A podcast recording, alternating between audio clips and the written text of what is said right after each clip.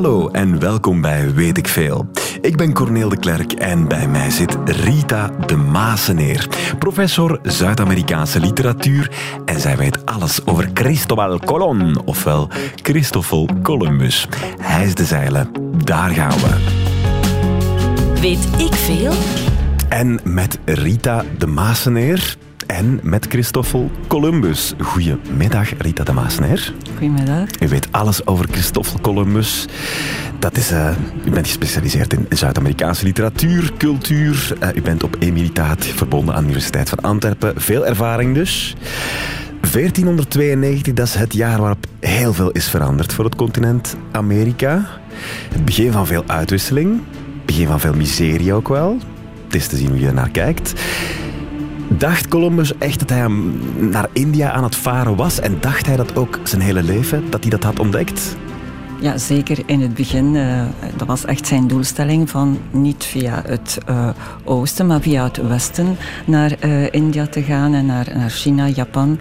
en hij heeft dat echt voet bij stuk gehouden. Hij wilde per se dat geloven bijna tot het eind van zijn leven ook tegen wil en dank in. Ook al werden er andere signalen gegeven en zo. Maar eigenlijk als je naar zijn logboek kijkt en dat leest, zie je dat hij gelooft, zelfs in zijn vierde reis, dan gaat hij meer Midden-Amerika um, eigenlijk on, uh, ontdekken of verkennen. Want mm -hmm. ja, de ontdekking was het ook niet echt zo. En dan uh, denkt hij nog altijd dat hij ergens aan de gang zit of zo. Ah, ja. Als hij dan eigenlijk ja, het, het, het, de doorgang die dan later het Pan Panama-kanaal zal worden. En die in 1513 eigenlijk al ontdekt is dan door Balboa. Oké, dus de, de, de, gelooft dat echt. Ja. Ik, ik, ben in India. Dat was op dat moment, als ik me dat goed herinner, uh, van lang geleden. Ja, um, ja, inderdaad, dat was om, om specerijen te gaan zoeken daar, toch? Ja, dus dat was eigenlijk vooral om economische redenen. Hè, dus goud en specerijen uh, vinden. Dat lijkt een beetje raar voor de 21ste eeuw. Suiker, kaneel, dat is toch allemaal niet zo duur. Maar toen was dat echt heel, heel ja, rare goods, als je het zo zou kunnen zeggen. Dat was echt heel bijzonder om en heel duur om dat te vinden. En dus dat werd dus in India en in dus het Aziatische continent wel, was dat wel aanwezig. Daar was er veel. Dus en normaal moest je dan helemaal rond Zuid-Afrika. Ja. Heel gevaarlijk. Ja, maar daar zijn de Portugezen heel druk mee bezig geweest. Ja. Hè? Ja. Ah ja, en dus de Spanjaarden niet? Nee. Die mochten daar niet passeren dan? Of? Ja, de Portugezen hadden dus ja, die weg al beginnen exploreren. En het is eigenlijk zo dat na de eerste uh, ja, ontdekking van Amerika, tussen uh, aanhalingstekens, dus na de eerste reis van Columbus, hebben ze dan een beslissing genomen in 1494. Uh, een van de vele beslissingen, we gaan hier ergens een grens trekken. Ja. En het deel ten oosten ervan, dat is allemaal gebied voor de Portugezen. En het deel ten westen ervan, dat zal dan voor de Spanjaarden zijn en de verdere ontdekkers van die gebieden. Ja. Dus, en dat was het uh, ja, gekende verdrag van Tordesillas. De paus heeft zich daar ook in gemengd. De paus had toen twee kinderen in die tijd, maar ja, ik ga daar nu niet op ingaan op dit verhaal. Maar wel op uh, het feit dat hij dus wel uh, relaties had met Spanje. Hè. Dat was dus ah, ja. Alexander VI, de Borgias. Hè. Dus, dus die heeft, ze hebben de wereld verdeeld in één stuk voor Spanje, één stuk voor Portugal. Zo echt een lijn getrokken. En waar lag die grens? Die, die grens is een, verschillende keer verplaatst geweest, maar min of meer 100 mijl van de... Hoe was het nu weer? Ik moet even spieken. Ja, je hebt een spiekbrief mee als professor. Ja, voilà. Uh, 100, nee, 370 mijl van de Kaapverdische eilanden. Maar die heeft ook een beetje vers, uh, ja. soms is verschoven. En dat maakt natuurlijk dat Brazilië, dat, dat nu dus eigenlijk, dat, dat, ze Portugees dat spreken, want dat, is, ja. dat behoorde daar ook toe. Voilà. Oké, okay, dus dat wisten nog niet dat dat gebied eronder lag? Nee, dat hadden ze... Dat hadden ze niet voorspeld? Nee, Brazilië bestond wel al in de fantasieën, ook van Columbus trouwens. Maar goed, uh... Kijk, het, het, het, we zitten al heel ver in de geschiedenis. Misschien moeten we nog even kort zeggen, wie was Christoffel Columbus? Spreek ik die naam zelfs juist uit? Christoffel Columbus, want dat klinkt nog wel Vlaams, hè? Christoffel? Ja, Christoffel. Uh, dat is de vertaling die wordt gegeven in het uh, Nederlands. Ja? Maar dus Cristobal Colon zal dat in het Spaans zijn. En, um, dat was geen Spanjaard. Ja, Ik heb daarnet gehoord van Ronald Verhagen dat hij in Genua geboren is. Ja, en uh, ja, blijkbaar hebben ze daar ook een huis dat dus zou refereren aan Columbus. Ja? Nu, het is een vrij grote waarschijnlijkheid dat Columbus inderdaad van Genua is. Zijn ouders waren wevers, dus dat waren mensen die niet van adel waren. Heel belangrijk, want Columbus heeft eigenlijk eigenlijk heel zijn leven geprobeerd van een status te verwerven eigenlijk. Hè. En dat kon hij dan doen door nieuwe uh, gebieden te ontdekken en Mhm. daar dan onderkoning van te worden in het begin. Maar ja, die titel heeft hij dan ook eh, later moeten afgeven. Maar dus Genua, nu eigenaardig genoeg, als je googelt en Holy Google weet alles, eh, dan zie je dat er ook andere eh, hypothesen zijn die nog altijd worden onderzocht. Eh, ik heb, eh, kwam eh, toevallig op een colloquium van 2021, dan denk je van nu zijn ze er al klaar mee, Ja. maar nee dus. Ehm, ze associëren hem ook met Galicië, uiteraard met Portugal, met Corsica zelfs, ook Oké. Catalaan, want Colon, Colom. Eh, nu, zijn naam is geweldig, want Cristobal, eh, dat is dus de Christoferens. Christophe is de eh, heilige, de Christopher Van, was de reizen, hè? Ja? Van het reizen, toch? Ja, van het reizen en de auto's worden gezegend door eh, Christophe, maar dat is degene die dus Christus draagt, Christo Ferens. En zo tekende Columbus zijn brieven op het einde. Dus, eh, want meer en meer zijn missie werd sterker en sterker naarmate de, ze- de ze reizen vorderde. Hij, hij zag zich als een soort kruisvaarder. Absoluut, ja. Oké. Kruisvader of conquistador zou je zelfs. Ja, ja, zeker. Klopt dat? Had hij geen kompas? Het is wel zo dat hij bepaalde ehm, middelen had eh, om eh, de stand van de sterren en zo te bepalen. Een sextant waar hij heel vaak mee eh, voorgesteld wordt. En ik dacht wel dat hij een kompas had ook. Maar ja, het is altijd mooi als je in een liedje zegt dat dat niet Dat is zo waar. natuurlijk. Hij had alleen zijn ritme. het Was is het een danser? Was het een danser ook? Was het iemand die van muziek hield? Weten we dat? Columbus, daar heb ik nu geen informatie over ingewonnen. Ja, dus dat zal voor een volgend gesprek Ja. zijn, niet met mij. Dat is oké. Ehm, laten we dan misschien weer naar de basis gaan. Het was wel een goede zeevaarder. Ja. Waar had hij dat geleerd?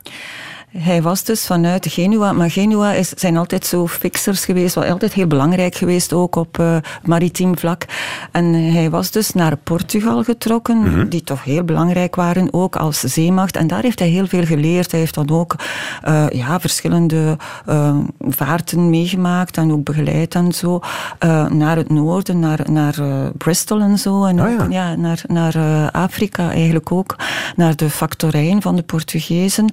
Dus hij heeft daar echt zijn stil goed geleerd. En dat is iemand dat, eh, dat iets wat je hem echt kan aangeven.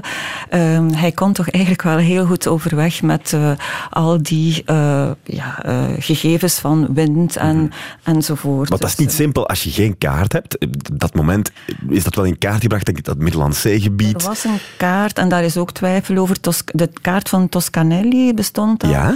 En die zou al tamelijk exact geweest zijn. Uiteraard van de continenten die gekend waren. Ja? En van de zeewinden enzovoort. Want dat was heel belangrijk. Hè, want anders kon hij geen volk meer krijgen op zijn boten. Want ze moesten altijd weten dat ze terug konden varen. Dus ze moesten tegenwind hebben. Maar wacht, want er was een kaart van de Atlantische Oceaan ook? Ja, een stuk al van Toscanelli, Ah, eh, ja. voor zover ik het eh, heb kunnen natrekken.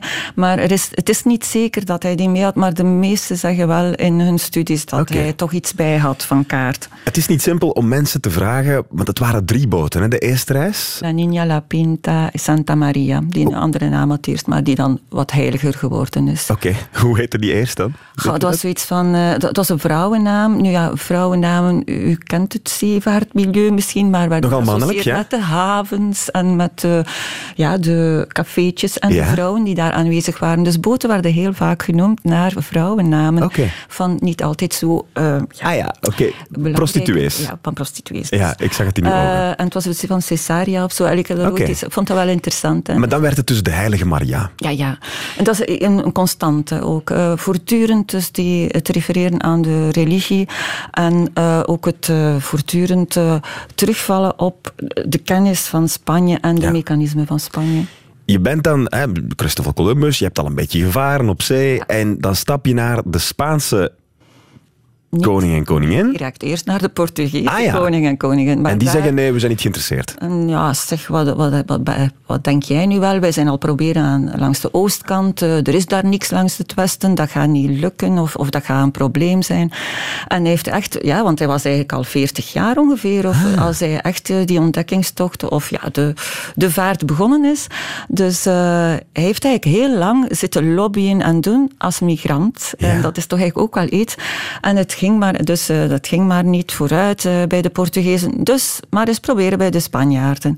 Die ook wel in een complexe situatie zaten natuurlijk met de verovering, de reconquista van het uh, Arabische deel van mm -hmm. het... Uh, ja, dat, dat, was spanning op dat moment. Absoluut. Je had, je had daar Joden, je had daar moslims, ja. je had daar katholieken. Ja, en dat was non-stop een gevecht daar. Hè? Maar dat was een, een non-stop een gevecht, ja. Dus in functie van de katholieke godsdienst werden de uh, Moren, eh, zoals ze dus de Arabieren de, uh, noemden, verdreven langzaamaan via de Reconquista. Mm -hmm.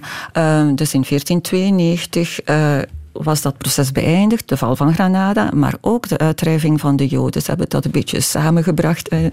Uh, dus uh, alle Joden moesten uh, binnen de vier maanden weggaan uit Spanje, wat ze dan ook gedaan hebben. Waar zijn die naartoe getrokken trouwens? Dat is ja, de gekende diaspora trouwens, naar overal. In sommige landen waren ze al persona non grata, want dat is ook geen uniek fenomeen ja. voor Spanje. Joden zijn altijd een aparte klasse geweest, ja. heel rijk, dikwijls. Maar wat is de link met Christoffel Columbus. Waarom is dat dan een moment om te zeggen en nu gaan wij eens langs de andere kant naar India proberen gaan? Ja, omdat, uh, omdat Spanje duidelijk in, in die, ja, uh, die reconquista gedaan had, uh, hadden ze toch ook wel een, dat was afgesloten. En dan moesten ze de adrenaline van al die soldaten ook wel wat kanaliseren. Later in de conquista zullen ze dat dan doen. En ze hadden ook dus nieuwe plannen om uit te breiden, om nog verder uit te breiden, want ze waren toch al goed getraind om dat te doen. Ah, ja. En ja, er zijn ook hypotheses dat dat uh, Columbus een Jood zou zijn. Uh, dus dat is een van de vele hypotheses over zijn okay. uh, leven. Okay. alles is uitvinding. Alles is uitvinding. Ja, dit is wel een vloe verhaal. Maar laten we misschien Sorry, um, ja. naar het begin gaan. Um, opnieuw, zij, zij, vertrekken dus met drie boten. Ja. Ze gaan naar de overkant. Waar komen ze aan? Ja, ze komen dus eerst aan, in de Canarische eilanden aan, dat al veroverd was door de Spanjaarden. Daar hadden, dus, hadden ze de uitbreiding al begonnen, een beetje ervoor. Um, en uh, dat was heel moeizaam gegaan. Uh, daar waren er trouwens ook al uh, slaven en, en suikerplantages. Mm -hmm. En dan is hij dus vandaar verder westwaarts gegaan. Normaal zijn zeelui gewoon van een tiental dagen te varen. Maar dan werd dat maar meer en meer paniek bij die mannen. We gaan niet meer teruggeraken. En dus wat doet Columbus? Hij zegt, ja, maar we zijn nog niet zo goed opgeschoten. Hij zegt dus dat ze minder mijlen gevaren hebben dan ze echt gevaren Tegen zijn eigen bemanning? Ja, tegen okay. zijn eigen bemanning. Ja, die begint dan ook onrustig te worden, uh, want ja, uh, er is ook al wat muiterij, want niet genoeg eten enzovoort. Uh, de typische problemen op die boot. Ja, dat is ook belachelijk weinig, 87 man. geen enkele vrouw. Um, dus op die drie bootjes, die ook niet zo groot waren. Ja. En dan, uh, die mannen zijn trouwens maar in 1513 uitbetaald geworden. Dus die hebben heel 1513? lang op hun geld moeten dus, wachten. Dus uh, 20 jaar later? Ja, uh, heel gedoe. Nu, dus ze komen dan aan ergens uh, plots ziet toch iemand, ik denk dat uh, Rodrigo de Triana is of zo, hij roept land of hij ziet toch iets, want er waren ook meer en meer vogels die daar rondvlogen uh, en dat is altijd een teken dat er land is. En dan komen ze op eilanden aan. Het zou dus een eiland zijn van de huidige Bahama's. Mm -hmm. En dan zijn ze zo verder naar uh, wat nu de Dominicaanse Republiek en Haiti is. En ja. dan ook naar Cuba gegaan. Okay. Dus zij zijn eigenlijk de basiseilanden van de eerste reis. En bij die eerste reis komen ze meteen ook in contact met de lokale bevolking? Ja. Ja, hoe, dus, hoe, gaat dat? Ja, hoe gaat dat? Ik was er niet bij natuurlijk, maar uh, ja, dat is uh, hoe dat wordt beschreven, is dat dat heel harmonisch en idyllisch gaat. Maar was dat zo? Dat mm. weten we eigenlijk niet. Dus er is daar heel veel uh, onduidelijkheid over. Sorry, over Columbus is eigenlijk heel veel uitgevonden. En ook over de hele ontdekking van Amerika. Dus de uitvinding van Amerika. Want qua bronnen hebben we eigenlijk zijn dagboek dagboek en ook later dan de, uh, uh, geschriften van andere ja. uh, zeven. Van zijn, ja, van zijn, ja, van zijn ja. maatjes maar daar. van de andere kant niet. Niets eigenlijk. Het eten is op. Je komt daar aan de overkant. Dan moet je weer stockeren. Dingen binnenhalen. Alleen, daar is geen graan. Daar is niet, niet wat je kent vanuit Spanje. Daar ook, geen chorizo. Geen varkens. Geen, geen varkens. Chorizo. Nee, nee, nee. wat, wat, wat, wat, halen ze dan binnen? Ja, ze, ze krijgen de casabe, de typisch, het typische brood dat van uh, gemaakt wordt bijvoorbeeld. Ja, van vlees uh, zijn er daar dingen die ze eigenlijk niet echt zien zitten. En dus het, ja, wat, wat dan bijvoorbeeld? ja, dus voor, bijvoorbeeld voor de adel was een exquisiet gerecht een leguaan. dus ja, ik weet niet of je dat ding voorstelt, maar dat is eigenlijk niet zo appetijtelijk. Een kleine draak, hè? Een kleine draak, ja. Maar dat was dus eigenlijk het, ja, de, het eten voor de adel. En ook ja, vis en zo een beetje. Maar eigenlijk was dat niet het typische eten van de Spanjaarden. De Spanjaarden hebben een heel, hadden, hebben nog altijd een heel carnivoor eh, eh, dieet, een uh, regime. En ja, dat was echt een hopeloos zoeken naar iets wat erop leek enzovoort. Dus dat, ja, daar zijn de gekste dingen dan gebeurd. ze, ze trachten dan dat, dat, ja, dingen die dachten dat ze lekker vonden, maar dan toch helemaal niet zo lekker bleken. Ja. Maar dus je slaat dan wat eten in en dan vertrek je weer naar de overkant. Um... Na een tijdje, we zijn daar een tijdje gebleven. Hè. Ja, hoe lang? Uh, dus die overtocht is anderhalve maand geduurd en dan zijn ze daar zeker, dus 12 oktober komen ze aan, dan zijn ze daar zeker tot met kerstmis uh, gebleven en dan eigenlijk zijn ze maar in maart teruggegaan. ah, wauw, dat is lang. Ja, ja, ja. Dus um, de eerste contacten, die hebben meteen ook maandenlang geduurd. Dat, dat, dat is echt wel, ze hebben daar bijna een soort van kolonie gesticht dan. ja, en dat is zo typisch voor de Spanjaarden, heel verschillend van de uh, Portugezen, die gewoon nederzettingen voor handelsrelaties uh, neergezet hadden. Ook Hollanders hebben dikwijls zo gewerkt. Maar Spanjaarden wilden echt koloniseren. Wilden dus echt daar ook uh, zich settelen. En dus Navidad is dus de eerste, het eerste stadje dat daar, ja, gesticht is stadje, dat is veel gezegd natuurlijk. Een dorpje. Ja, een dorpje. En um, dan zijn ze met een deel teruggekeerd naar Spanje. Ze hebben daar mensen achtergelaten? Ze hebben daar mensen Op die eerste reis al? Ja, ja, ja. Dus, Hoe is daarmee gegaan? Ja, het was ook zo dat er een van de drie schepen, de Santa Maria, was, had schipbreuk geleden. Dus dat eigenlijk maar twee schepen om terug te gaan. De um, Pinta en de Nina. En dus er zijn daar 38 mannen achtergebleven. Die... Uh, ja, daar is ook enerzijds door ziekte, want dat was eigenlijk echt wel een heel groot probleem. Uh, ik weet niet of syfilis dan al aanwezig was, maar dat is ook heel vlug gekomen. Ah ja, uh, maar dat, dus, dat komt uit Amerika, syfilis. Ja, zo, ah, ja de hypothese is vrij groot dat ze dat vandaar zouden meegebracht hebben. Dus er waren wel contacten geweest dan? Er waren een seksueel overdraagbare contacten ziekte, geweest, ja. ja. Uh, Spanjaarden kon niet altijd uh, in abstinentie blijven, ja, blijkbaar. anderhalf maand zonder vrouw. Ja, ja. zo lang.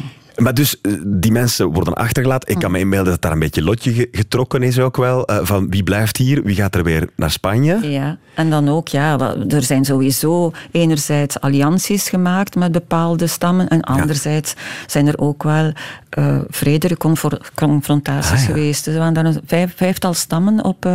dus eh, de, wat nu Dominicaanse Republiek is, wat toen La Española werd genoemd. Dus alweer alsmaar verwijzen naar, naar het Spanje, moederland. Naar dus Christus. Dus alle, ja, en, ja, dus, uh, en, uh, ja, dus er zijn daar misschien wel een aantal mensen vermoord door de Indianen, maar eigenlijk zal het vooral door ziekte en ah, ja. onderlinge problemen ook. Dus ik hoor u zeggen, daar is niemand van overgebleven van dat dorp? weinig, ja. Ik denk niet dat er veel van overgebleven is. Dat, Die waren allemaal gestorven bijna als hij terugkwam. Weet ik veel. Rita de Maaseneer, nog altijd professor. Uh, uh, ja, toch? Emeritaat, maar dat, dat hou jij, die titel? Ja. ja, ja. Gespecialiseerd in um, Zuid-Amerikaanse literatuur en cultuur en ook in Columbus. Um, hoe, hoe, loopt het daarna? Columbus komt opnieuw weer in Spanje aan, zegt ik heb, een, uh, ik heb India ontdekt, ik heb een andere weg gevonden. Wat brengt hij mee om dat te bewijzen? Niet veel. Hij heeft een aantal um, indianen meegebracht, uh, uh, al dan niet met pluimen getooid. Uh, hij beschrijft dat wel enigszins zo, maar we weten dat eigenlijk niet of dat, dat zo was. En anderzijds heeft hij ook wel wat goud meegebracht. Dat was dus, die specerijen zijn al helemaal niet aanwezig. Dat goud is ook niet echt denderend veel. als je het op een grote dienblad legt, stelt het ook niet zoveel voor. Maar ehm, ja, hij gaat daarmee naar de dus uh, Isabel van Castilië en Fernando de Aragon, die voor het, op dat ogenblik in Barcelona zijn. Dat zijn de koning en koningin van Spanje op dat moment. Ja, Spanje, Spanje bestond niet. Bestond nog niet. Nee. Dat was Spanje in wording. Zij zijn eigenlijk de grondleggers van Spanje. En uh, worden ook zo altijd, tot nu toe altijd mm -hmm. nog zo beschouwd. En werden ook door Franco als de grondlegger van, van Spanje beschouwd. En mm -hmm. ook mhm. door de rechtse partijen, nu zoals Fox. Mm -hmm. um, dus, en hij, gaat daar ja, met het weinige dat hij heeft toch zijn zaak bepleiten. En hij zal erin slagen van een heel groot, eigenlijk de grootste uh, reis te bekomen. Uh, al twee jaar, uh, al ja, één jaar erop, sorry, in 1493. En dan gaat hij dus met bijna ja, 1200 man, ook een twintigtal schepen, ehm, ook met een aantal vrouwen, ook met een religieus nu en een dokter, want in de eerste reis was er helemaal geen religieuze aanwezigheid, eigenaardig genoeg. Uh en dan gaat hij dus uh, opnieuw uh, dus, uh, een reis doen naar Santo, waar hij Santo Domingo sticht, dus de huidige hoofdstad nog altijd van de Dominicaanse Republiek. Dus hij komt op datzelfde eiland aan. Dat is ook wel straf, toch? Dat, dat je eerst anderhalve maand onderweg bent, de eerste reis ooit via die weg naar Amerika. Ja. En dan dat je dan exact hetzelfde doet, op dezelfde plek uitkomt. Ja, maar hij gaat wel meer verkennen en hij gaat ook Jamaica ontdekken en hij gaat ook via een kleiner eilandje Isabella passeren. Maar goed, uh, dus, maar hij gaat daar een beetje uitbreiden. Uh, zijn broers worden daar op belangrijke posten geplaatst. Uh, er wordt dus eigenlijk een kolonie, gekoloniseerde structuur min of meer opgericht. Ja. En er zijn allerlei problemen die hij dan al uh, heeft, want er waren mannen meegegaan die gezegd hadden, ja, wij, kunnen, wij zijn timmerlui, wij kunnen heel goed huizen bouwen, want hij wilde daar echt dus een, een soort ja, dorp uh, opzetten, mm een soort ja, uh, aanwezigheid, een, ja, echt koloniseren, met alles erop en eraan. En die hadden gelogen en zo, dus dat was echt ruzie overal. dus er waren problemen ook, muiterijen, dan groepen die zich samenspande tegen Columbus. Het was niet echt een feest. Columbus was eigenlijk geen goede manager. Ah, hij was een goede zeeman, maar ja, ik kon niet zo goed de uh, conflicten oplossen. Uh, en uh, het is eigenlijk zo dat ehm, ook met de autochtone bevolking, met de indianen, zijn er ook een aantal die gewoon zeggen van ja, we gaan hier gewoon meewerken met hen. Dan gaan we toch niet zo gestraft worden. Maar anderen hebben zich blijven verzetten en werden dan tot slaven. Ah ja, dus dan, dan is eigenlijk dat is het eerste moment waarop dan de slavernij wordt ingevoerd de slavernij wordt ingevoerd. Uh, dat is iets wat eigenlijk al bestond. Ik heb het al gezegd, bestond ook al op eh, de Canarische eilanden en daarvoor ook. Dus dat is niet iets dat Columbus uitgevonden zou hebben, of hij is niet de eerste grote slavenhandelaar. Hij heeft inderdaad wel Indianen meegenomen naar Spanje terug en zo, omdat hij besefte, ja, hier is niet te veel goud te vinden, of in die mijnen uh, komt er niet genoeg naar boven, want er werd dus wel wat goud aangetroffen en er mhm. werd dus, de slaven werden daar te werk gesteld en stierven massaal. Ah, ja. Omdat ze daar dus niet bestand waren tegen bepaalde ziektes. Eigenlijk zijn ziektes veel belangrijker geweest dan uh, uh, doden. Misschien daarover, syfilis hebben we het al over gehad. Mhm. dat is een ziekte die dan daar ja. voorkwam, die plots en die die, Europeanen komen toe, krijgen dat. Mm Doordat zij iets te intens uh, contact hebben met de lokale bevolking. Staan waren, maar goed. Oké. Eh, niet toegestaan omdat? Ja, officieel uh, vanuit uh, Spanje werd gezegd, ja, maar geen inmenging, ah. geen vermenging met de lokale bevolking. Ja, ja. Ze wilden geen kinderen die, die dubbelbloed waren. Ja, terwijl dat natuurlijk uh, niet houdbaar was, die zaak.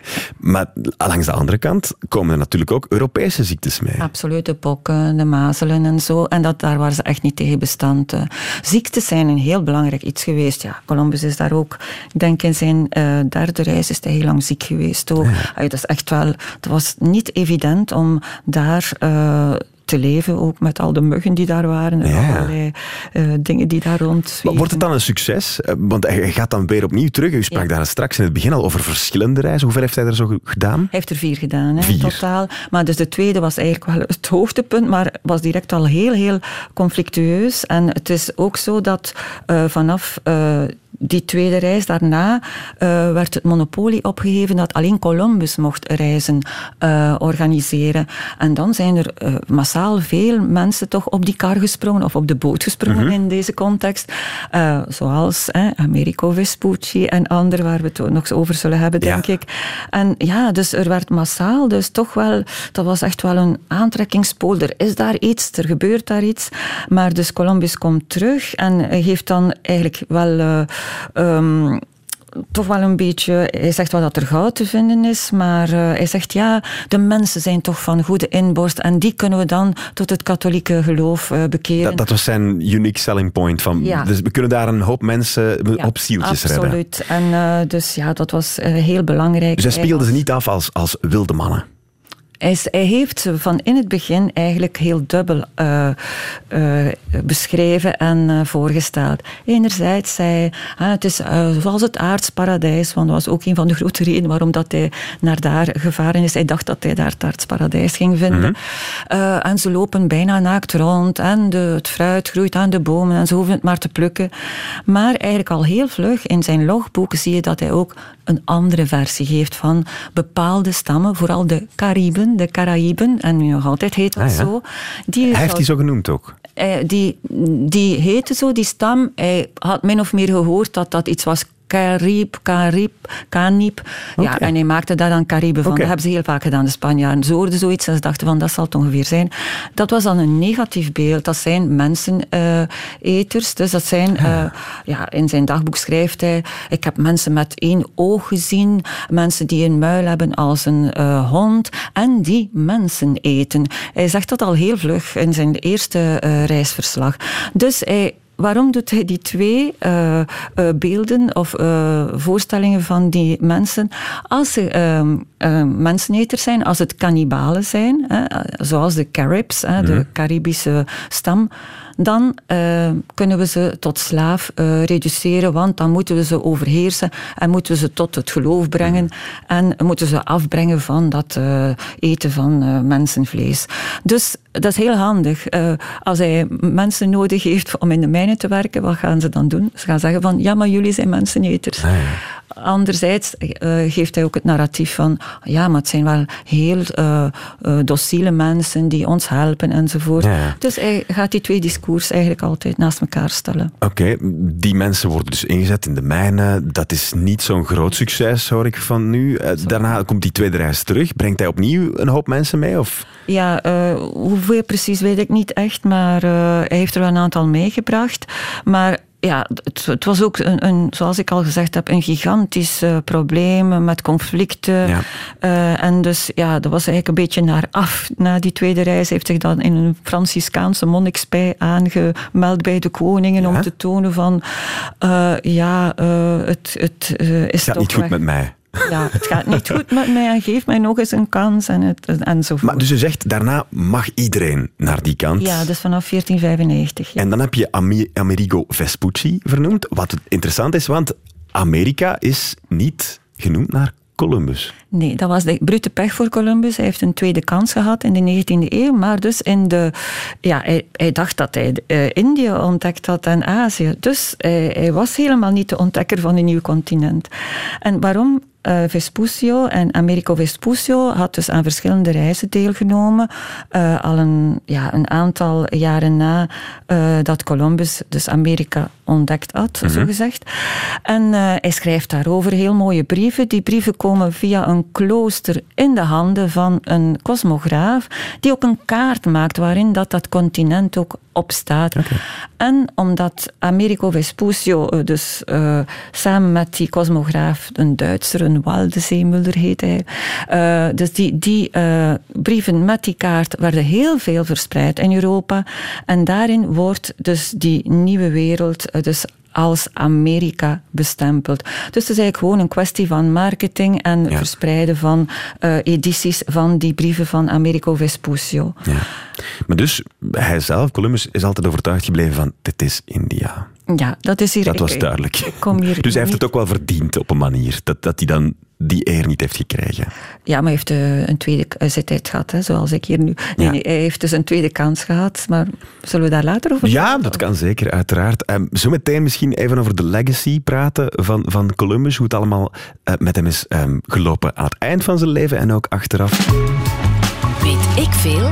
Rita de Maaseneer, um, professor emeritus Zuid-Amerikaanse geschiedenis en uh, literatuur hier in de studio. Um, en u weet heel veel over Christoffel Columbus. Bij die eerste contacten hebben we toen meteen al de tomaat ontdekt, uh, de aardappel, de tabak, al die dingen die we ja, uiteindelijk hier in Europa zijn gaan appreciëren. Ja, dat is eh, de meer positieve versie van eh, het verhaal natuurlijk. We hebben al veel over de negatieve elementen gesproken, dus van ja, eh, kolonisatie, slavernij.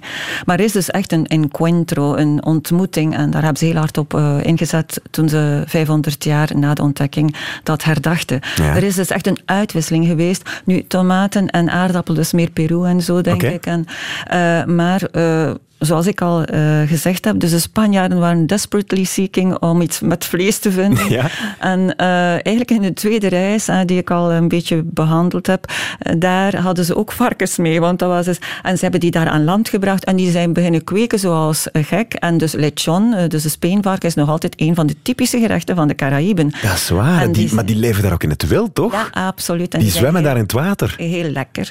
Ja. Heeft het al gegeten? Of? Ja, absoluut. Ah, ja. ja. Ja, met, uh, met nieuwjaar en eindejaar wordt dat gegeten. Oké. Okay. Um, dat is maar... de varkensbaai bijvoorbeeld in Cuba dat, dat kan in die periode al begonnen zijn dan? Uh, ja, dat, ik weet nog niet of varkensbaai... Ja, dat, is misschien daarna, dat is ook een heel moerassig gebied, dus ik weet niet of varkens zo echt moerassig daar, daar zijn. Daar rondlopen. Oké. Maar goed, ja, aan de kant geschoven. Ja. ja. Uh, maar wat leren zij kennen van, van, zij, van die lokale bevolking? Ja, dus uh, van de lokale bevolking, ik heb al gezegd, rare dingen. ja, ze moeten om de duur wel dat brood van de in, Indianen eten, dus de, de yucca, dat van yucca gemaakt is, casabe heet dat. En ja, ze uh, zien ook dat uh, Indianen dus uh, tabak roken. Dat is natuurlijk niet eetbaar, maar dat is ook zoiets dat ze oppikken. En dan, ja, er zijn ook al die wat wij nu de exotische vruchten noemen, zoals ananas. Ah, ja. Ananas dat door de Spanjaarden dan vergeleken wordt met een artichok. Dat lijkt er dus een beetje op van buiten misschien. Ja. Maar het is voortdurend altijd dat terugbrengen naar wat ze kennen van Spanje. Ja, de smaak is helemaal anders en ze kunnen dat dan niet zo goed beschrijven, maar er zijn fantastische beschrijvingen over bij al de, ja. uh, dus de zeelui en de mensen die daarover geschreven hebben. Ja. Um, Sebastian Koppes vraagt zich af of hij ook, of hij ook uh, marihuana al heeft meegebracht. Um, daar kan ik niets over zeggen. Uh, ja, mijn collega in Nijmegen is uh, daar misschien onderzoek In Nederland weten ze daar mee vanaf. Ja, in Nederland is daar altijd meer over. ja. Het ei van Columbus, is dat een mythe? Het ei van Columbus, ja, zo'n waarheid die dan evident is.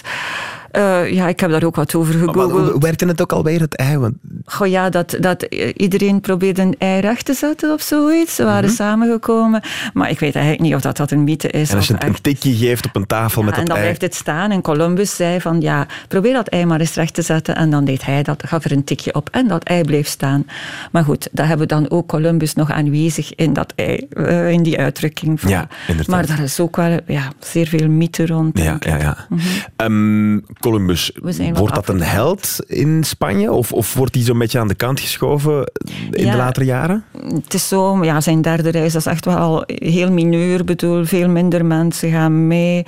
Uh, dus, uh, en dan de vierde reis, dat is helemaal een, een kleine reis uh, geworden. Waarin hij dus dan meer Midden-Amerika ontdekt, wat toch niet, of, ja, of verkent, mm -hmm. wat toch niet oninteressant is. Maar, en in de derde reis gaat hij Venezuela een beetje. Ah ja, dus dat is echt al bij Zuid-Amerika. Ja, dan is hij die Cariben voor, voorbij. Ja, eigenlijk. die Cariben ja, is er al een tijdje gebleven. Dat is altijd de uitvalsbasis. En dan Venezuela, het kleine Venetië, vandaar die naam. Dus dat wordt toen al zo genoemd? Ja, dat is een referentie aan, ah, aan nee. Venetië. Dus het Venezuela, Oela is een verkleinwoord. Is Colombia ook een verwijzing naar Columbus? Ja, en daar hebben we de herkansing van Columbus, 19e eeuw. Want ja, die mens, ja, misschien even nog zeggen dat hij dan helemaal naar afgegaan is na zijn laatste reis. Ja. Dus in 1502 heeft hij nog wat geld kunnen verzamelen voor een laatste reis te doen. Iets in Midden-Amerika, uh, wat voor hem dus de ganges was, maar dat eigenlijk de rivier was die in Panama dan later het kanaal van Panama zou worden. Uh, dus Columbus ja, is dan uh, eigenlijk teruggekeerd naar Spanje in 1504, definitief. En hij is, was heel ziek, is dan gestorven in Valladolid, had ook oogproblemen enzovoort. Dus het, het ging helemaal naar af met Columbus. Hij is dan ook begraven in, um, in Santo Domingo. Um, hij is overgebracht naar... Ja, de beenderen zijn overgebracht nee. naar Santo, Do Santo Domingo. Nadat hij dood was? Ja. En dan zijn die een beetje beginnen reizen. Want uh, dus zijn geboorteplaats is niet echt duidelijk, ook al is Genua waarschijnlijk de geboorteplaats. Ja. Zijn uh, sterfplaats, ja, hij is dus in Valladolid gestorven, daar is het huis trouwens, een van de huizen uh, die refereren aan Columbus. In Genua is er dus een ander. Mm -hmm. um, hij, dat was, hij was eerst begraven in, in Santo Domingo. Eerst eventjes in Sevilla, dacht ik. Dan Santo Domingo. Ja, echt wel hilarisch. Zelfs na zijn dood heeft die man nog veel gereisd. Ja, ja, ja. een beetje Christus, die heeft ook overal beenderen en ja, ja, ja. of heiligen. Dan was er dus in de eind 18e eeuw, begin 19e eeuw opstand tegen de Spanjaarden in Haiti en, Mhm. eh, en het huidige Dominicaanse Republiek. Dus op dat eiland, oh, die beender van Columbus moeten hier weg in Santo Domingo Ah, ja. naar Havana. Wa- Want Haiti was een van de eerste republieken ook, hè? Ja, daar, toch? 1789, fantastische, maar dat is niet... Dat is een heel ander verhaal, maar dat, dat, dat was een, een slavenopstand. Een zwarte opstand, Ja, ja. ja. En, dus daarna en dus ze waren bang, ze gaan die, ze gaan die ja, beenderen die hier stelen. beenderen van Columbus moeten hier weg naar Havana, dat wel nog eh, onder Spaans bewind stond, hè, tot 1898. Die beenderen dan in Havana. Dan zijn ze dan, als Havana weer onafhankelijk eh, eh, werd, ja, eh, sorry, Cuba, Ja. in 1898, ah, dat werd beslist in het Westen, hè, ja, we gaan dat hier van de hand doen, Ja. Cuba. En ook de Filipijnen en ook Puerto Rico, dat was de laatste kolonie van Spanje. En dan zijn die beenderen naar Sevilla verhuisd. Maar toen was er toch twijfel, zijn dat nu de beenderen van Columbus, ja of nee, in Sevilla? Maar ja, het is een enorm praalgraf daar. Ah ja, maar dat staat er een. DNA-test gedaan en het is wel van Columbus, blijkbaar. Dus, Hoe hebben ze dat in godsnaam voor elkaar gekregen met een man die in 1492 leefde? ja. Eh, Gewoon een of andere hoed van hem gevonden of zo? Ja, ja, ja ik, eh, de precieze dingen. Maar blijkbaar heb je niet veel nodig om DNA-test te doen. Maar dat is een andere, weet ik veel. Ja, dat is waar, dat is waar. Maar dus die ligt daar nu nog altijd? Ja, maar Columbus, eh, ja, dus het is wel zo, hij ligt nu in Sevilla, maar het is wel interessant dus om te zien hoe hij dan toch weer opgevist is. Want ja, Amerika, daar heeft hij zijn kans gemist. Ja, hè. ja. Eh, dus de naam is helemaal naam niet zijn naam, want het was trouwens niet zijn continent. En dus is hij dus naar... ehm, ehm, in de 19e eeuw eh, had men... ehm, waren er eigenlijk verschillende dingen. Je had dus de, ehm, de onafhankelijkheidsstrijd. Die Ja. begon dus in Haiti. Zwart, maar dan heel wit. Hè, met Bolivar, dat was ook zo'n grote onafhankelijkheidsstrijder van Venezuela. Mhm. En eh, die wilde eigenlijk het Gran Colombia stichten. Die heeft die naam weer opgevist. Ah ja. Ja. En dan, eh tenslotte, hebben we nu nog Colombia. Een stukje daarvan is nog altijd zo genoemd. Maar wat wel interessant is, is dat in het Noord-Amerika, dat de Italianen daar heel sterk weer Columbus hebben eh, gerecupereerd. Ook op basis van de literatuur van Washington Irving, die een levens, eh, Ja. levensbeschrijving gegeven heeft van, eh, gemaakt heeft van Columbus. En eh, dus zij wilden een beetje in een beter eh, daglicht komen. De Italiaanse maffia toen ook al. En zeggen, ja, we gaan Columbus als onze held beschouwen. Columbus Day. De- eh, ah, ja, ja, want dat wordt daar nog gevierd in de VS, effectief. in hè? sommige staten, Ja. in andere niet. Maar Columbus is nu niet meer zo... eh, Er zijn heel veel standbeelden van hem opgericht, die dan ook weer tegenwoordig weer worden neergehaald. Tweede- eh, twin- 2020 bijvoorbeeld zijn er een heel aantal weer eh, dus afgevoerd, omdat hij dus de slavenhandelaar bij uitstek zou zijn, wat ik eh, dus al een beetje weerlegd heb. Hij was niet de eerste, en omdat hij de moordenaar bij uitstek Ja. zou zijn. Maar het was ook geen sympathieke Maar kerel. nee, nee, nee. Bedoel, Het, is, het verhaal is nooit wit en zwart. Dat is zo. Ja. Maar wat ik me dan afvraag, in die periode zelf, in, in, die, eh, in die 1490, 1500, was hij toen ook al, ehm, werd hij toen ook al bekritiseerd? Ja, absoluut. En daar is de grote verdediger van de Indianen, Bartolomé de las Casas. Ik zal daar nog kort iets Ja, over zeggen. ja, graag. Ehm, hij heeft dus eh, eigenlijk altijd voor... eh, hij was eerst zelf ook mee aan het koloniseren, maar dan heeft hij het licht gezien. Hij heeft een eh, sermoen gehoord eh, van Montesinos, een Dominicaanse religieus. Ah, met welk recht maak je deze mensen tot slaven? Het zijn toch redelijke wezens. Dus, en Las Casas heeft eigenlijk bekomen dat er een beter regime zou zijn voor de Indianen. Mhm. Althans op papier, dat is in verschillende fasen gegaan.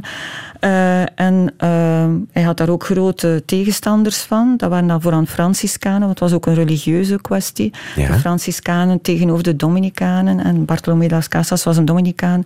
En dus hij heeft altijd de eh, Indianen verdedigd. De oplossing was natuurlijk zwarte slaven aanvoeren. Ah ja, dus, dat Dus- is de reden waarom er zoveel mensen uit Afrika Ja. werden meegenomen om dan als slaaf te werken op plantages. Het bestand was eigenlijk al heel gereduceerd van Indianen. ziektes. Door ziektes. En, en ook omdat er dus zo'n antipropaganda werd gemaakt door Bartolomé de las Casas.